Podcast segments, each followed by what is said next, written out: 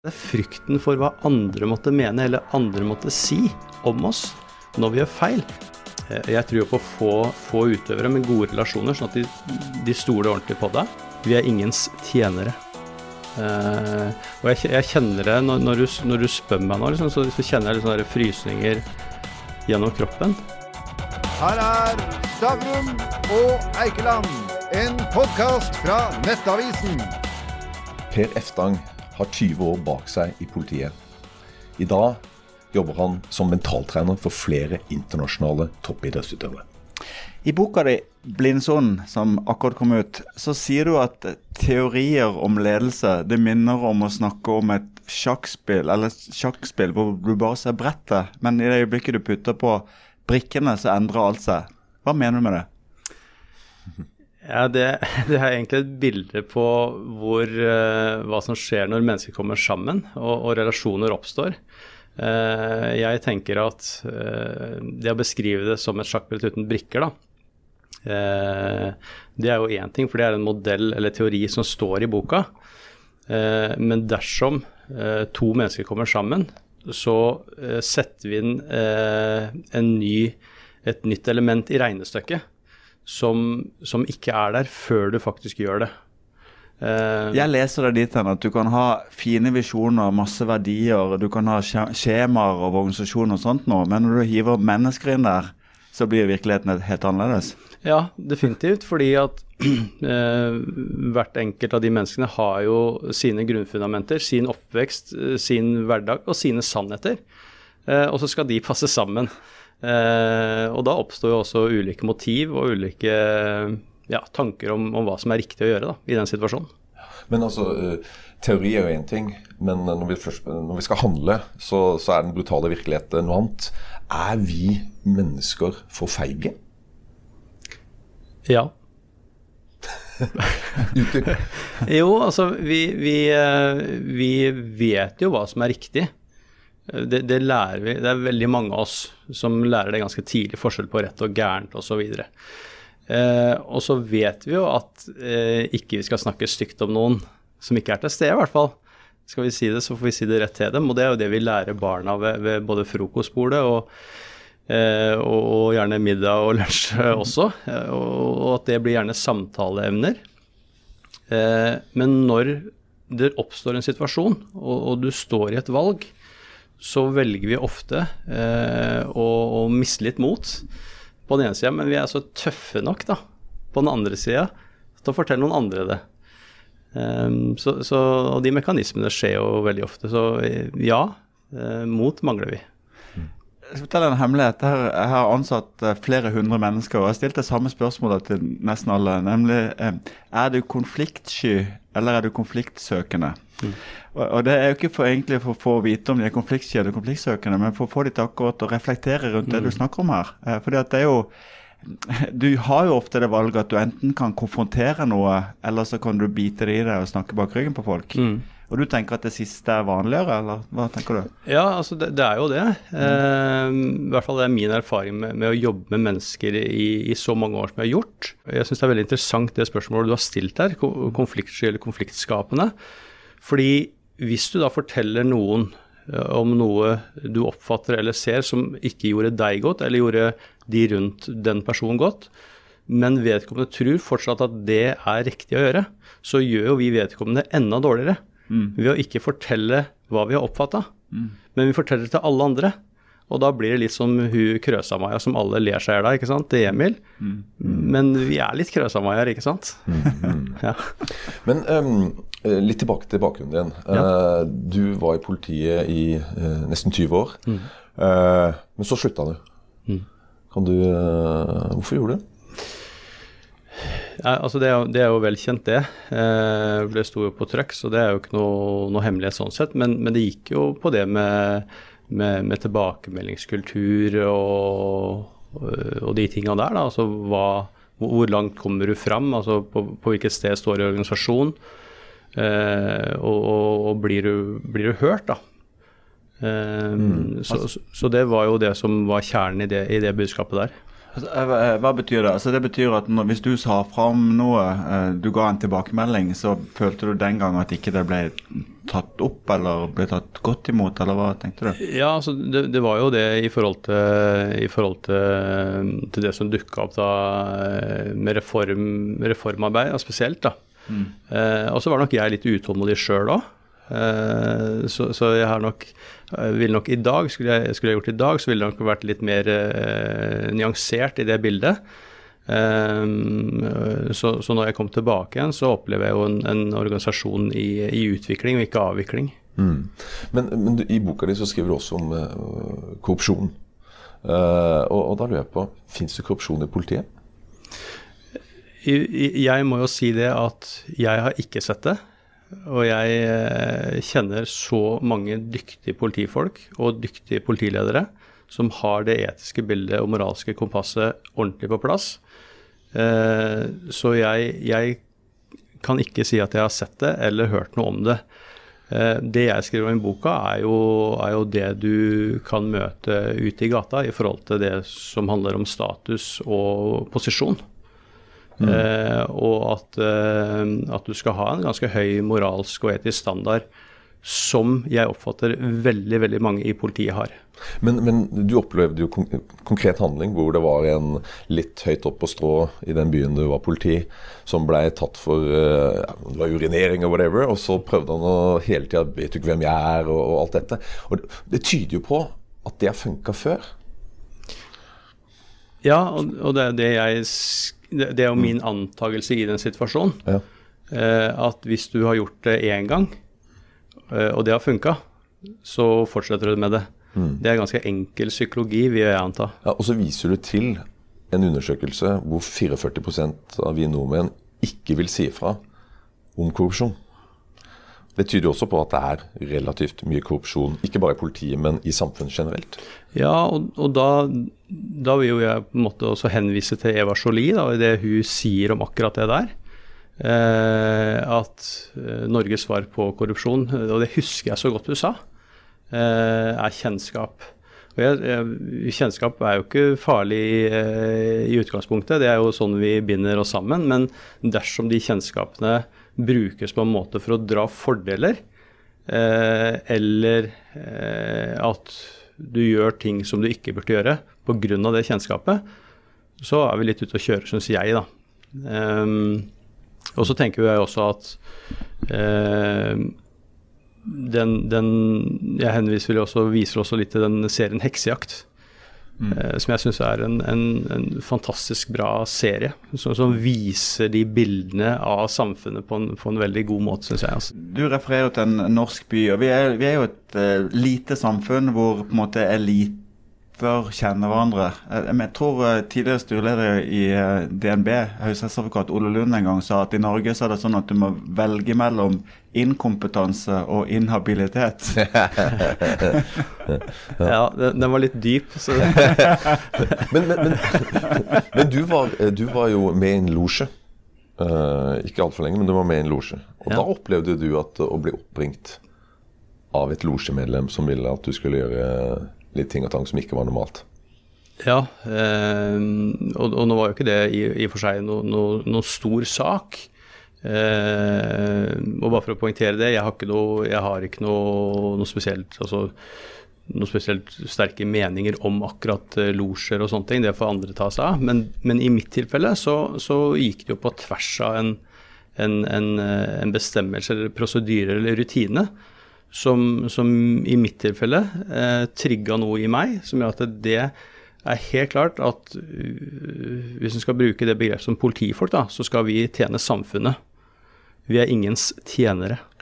Men, men, det, men det, sier noe prinsipielt, for det er, det er, jo mange losjer der ute. Og det er jo mange høytstående embetsmenn og altså bl.a. tidligere NRK-sjefer har jo vært medlem av losje. Så det er klart, du får disse skjulte bindingene som da folk kanskje gjør ting som de egentlig ikke burde ha gjort. For de har, som du sier, et oppdrag for alle, ikke bare for de losjemedlemmene. Mm. Og det er jo korrupsjon. Fort blitt. Ja, jeg, jeg, jeg skal være veldig forsiktig med å, å, å, tråkke ut i den diskusjonen der. fordi det er som jeg sier, at jeg, jeg, har ikke noe jeg kjenner mange gode mennesker som er med der.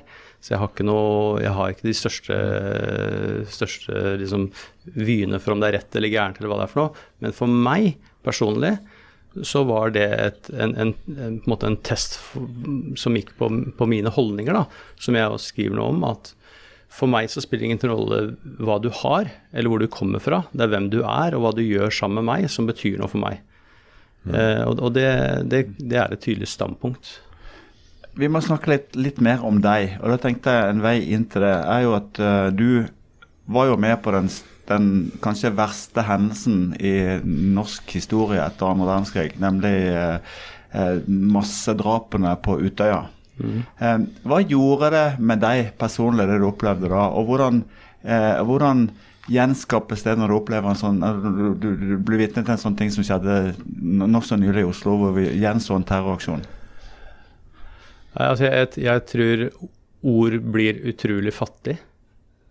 Uh, og jeg, jeg, kjenner det når, når, du, når, du, spør meg nå, liksom, så, så, kjenner jeg liksom frysninger gjennom kroppen. Uh, at det på en måte er ondskap ulike, på ulike nivåer.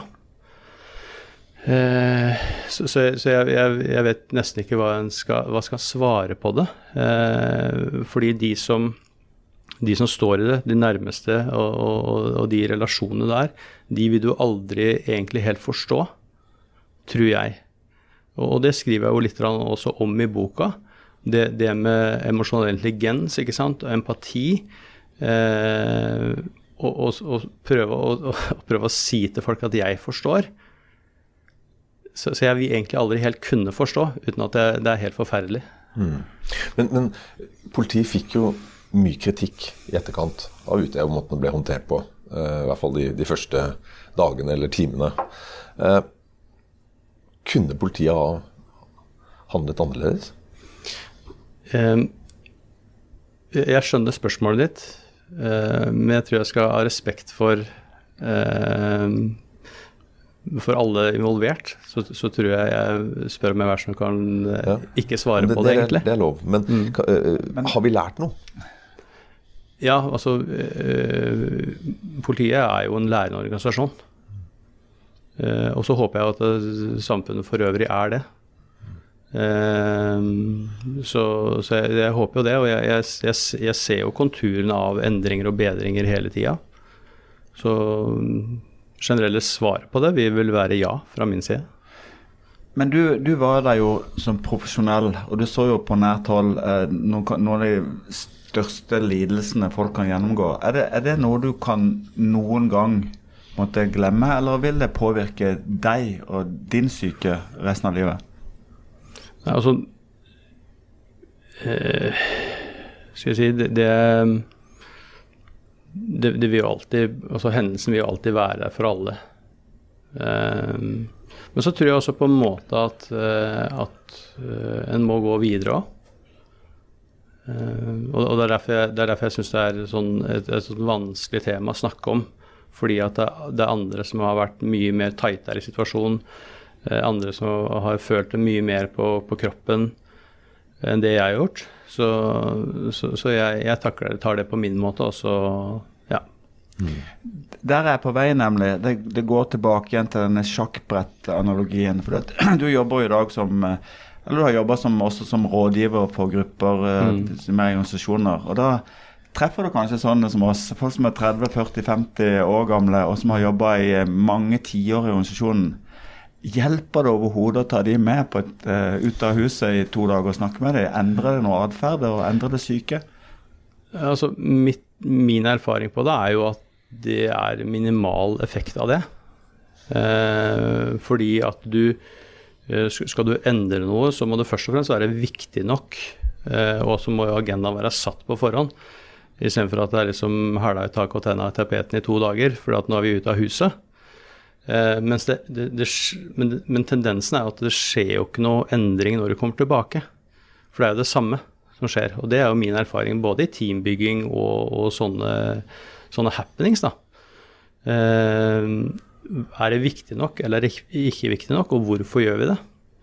Eh, så, så, svaret er nok at eh, det er en hyggelig og sosial sammenkomst, men det er ikke sikkert det bidrar så veldig mye til kulturendring. Hvordan skal du endre kultur? Nei, altså min erfaring på det er jo at uh, istedenfor å bruke den terminologien at å endre kulturen er som å snu et tankskip inn i indre havn, ikke sant.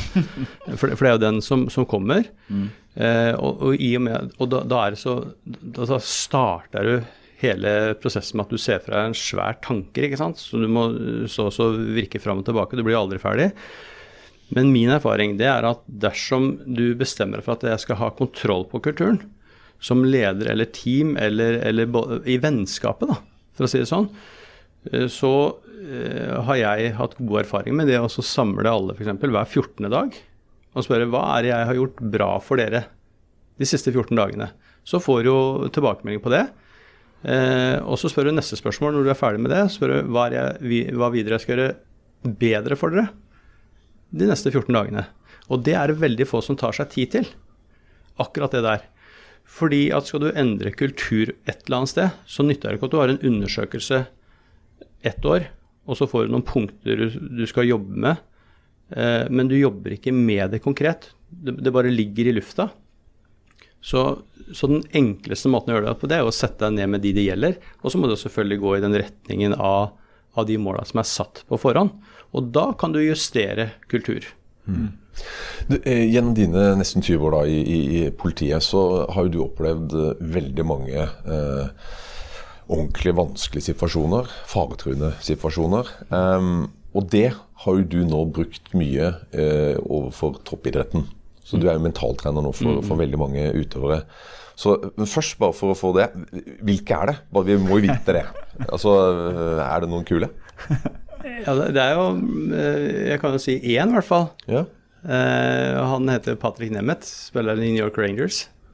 Ok, Hvordan kom du i kontakt med han? Nei, Er ikke det kult? Ja, det er absolutt. ja, uh, jo, jeg, jeg syns det er veldig spennende, og ikke minst er jeg ydmyk for å få jobbe på det nivået der. da. Uh, og, det, og det handler vel egentlig om å bygge et solid fundament fra starten av, og så har det spredd seg. Det å være Eh, jeg tror jo på få, få utøvere med gode relasjoner, sånn at de, de stoler ordentlig på deg. Eh, og så bryr jeg meg like mye, og kanskje mer om mennesket enn om utøveren. Og, og disse utøverne de omgis av mange mennesker som er veldig opptatt av utøveren eh, og hva de presterer, og hva de leverer av resultat. Jeg tenker jo at det er jo alltid en konsekvens eh, av deres tanker og følelser osv. Og, så og da, da må jeg ordentlig inn der, da. Um, mm. og, og, så har jo det spredd seg, da. Uh, fra den ene hockeyspilleren til den andre. ikke sant? Så, så, på et tidspunkt her så hadde jeg vel uh, ja, uh, fire søkker i NHL og to i, i KHL. Var dette via Sukka eller noe sånt? da? Som nei, starta? Nei, nei. Ja, men fortell, hvor starta det? Var det, ja, det Patrick Thor Nei, nei det, det, det, starta, det, det her starta egentlig med eh, søsknene Bøkko. Oh, ja. Ja. Eh, fordi at eh, de har jeg vært mentaltrener for i mange, mange år. Fantastiske folk. Mm. Eh, og så var det da en, en, fysisk trener som het Andreas Larsson i Hockey PT i Göteborg. Eh, som, som, da så hvordan jeg jobba, og så tenkte jeg ah, ok, eh, jeg har en, en, en hockeyspiller som kanskje kan trenge dette her. Og så var det løpet i gang, og så begynte den hockeyspilleren med det, og så fikk jo han gode resultater og, og, og trivdes godt. Og så spredde det seg. Og da, og da, fikk jeg jo da via, via noen agenter i Sverige osv. Så, videre. så Så ballen rulla der, da. Men, men, det er utelukkende fordi at de var fornøyd, da. Men altså, øh, du snakker nå om en, en, stjernespiller på et av verdens mest kjente ishockeylag. Eh, men når du ser på disse folkene, så lurer jeg på har du lykkes noe særlig med som mental coach? De ser jo klin gærne ut når de spiller. Ja, ja og, og, det, og, ja og, det, er ganske fascinerende, fordi eh, vi jobber jo hele tida med at vi, vi skal ikke tenke positivt, og vi skal ikke tenke negativt. Vi skal ha nøytral tenking. Så, så når, de, når, de, da eh, Og det er jo det jeg jobber med med alle utøvere. Det er at når de da skifter, henger fra seg eh, klærne i garderoben, så henger de også fra seg sin person. Så når de kommer ut, så er de på en måte, da er de på en måte en maskin. da. Eh, og så skal de gjøre det de har, har lært og gjort hele livet, liksom. Men hva, hva er det de fleste sliter med? Altså, det, er, det er vel kanskje sånn fellesnevne at uh, Ja, ja.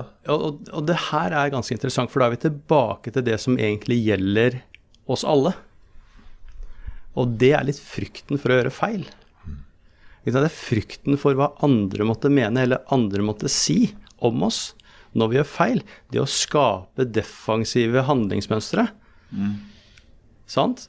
Eh, så, så det er et utrolig kult spørsmål, for det, det, for det gjelder egentlig altså Toppidrettsutøvere er ikke noe annerledes fra noen av oss andre. Men da, da har jeg lyst til å spørre deg om en, en konkret ting i forhold til det. Jeg spiller golf på amatørbasis. og Det å stå og skulle slå en ball over et vann, eh, da er du så redd for å miste den ballen at du, er, du ser bare nedsiden. Så bytter vi til Viktor Hovland, som da skal slå et slag hvor det står 10 millioner kroner på spill. Som mentaltrener, hvordan får du han til å ikke tenke på sjansen på å tape de 10 millionene og faktisk yte? Nei, og, og, og det er jo eh, det som egentlig er hele kjernen i det. Fordi hvis vi tenker eh, resultater, hvis, hvis, vi jobber etter resultater, så vil vi på en eller annen måte eh, komme i den situasjonen hvor hjernen forteller oss at eh, her blir konsekvensene såpass store at nå må jeg ikke. Det er akkurat som å fortelle et barn nå må du ikke søle med det glasset. Det er ganske sikkert at de kommer til å søle, for du har allerede plassert et bilde hva det innebærer å søle. Mm. Istedenfor å da si ta det glasset og sett det på bordet. Akkurat som du skal slå den, den ballen over det vannet. Eh, hva skal du egentlig gjøre?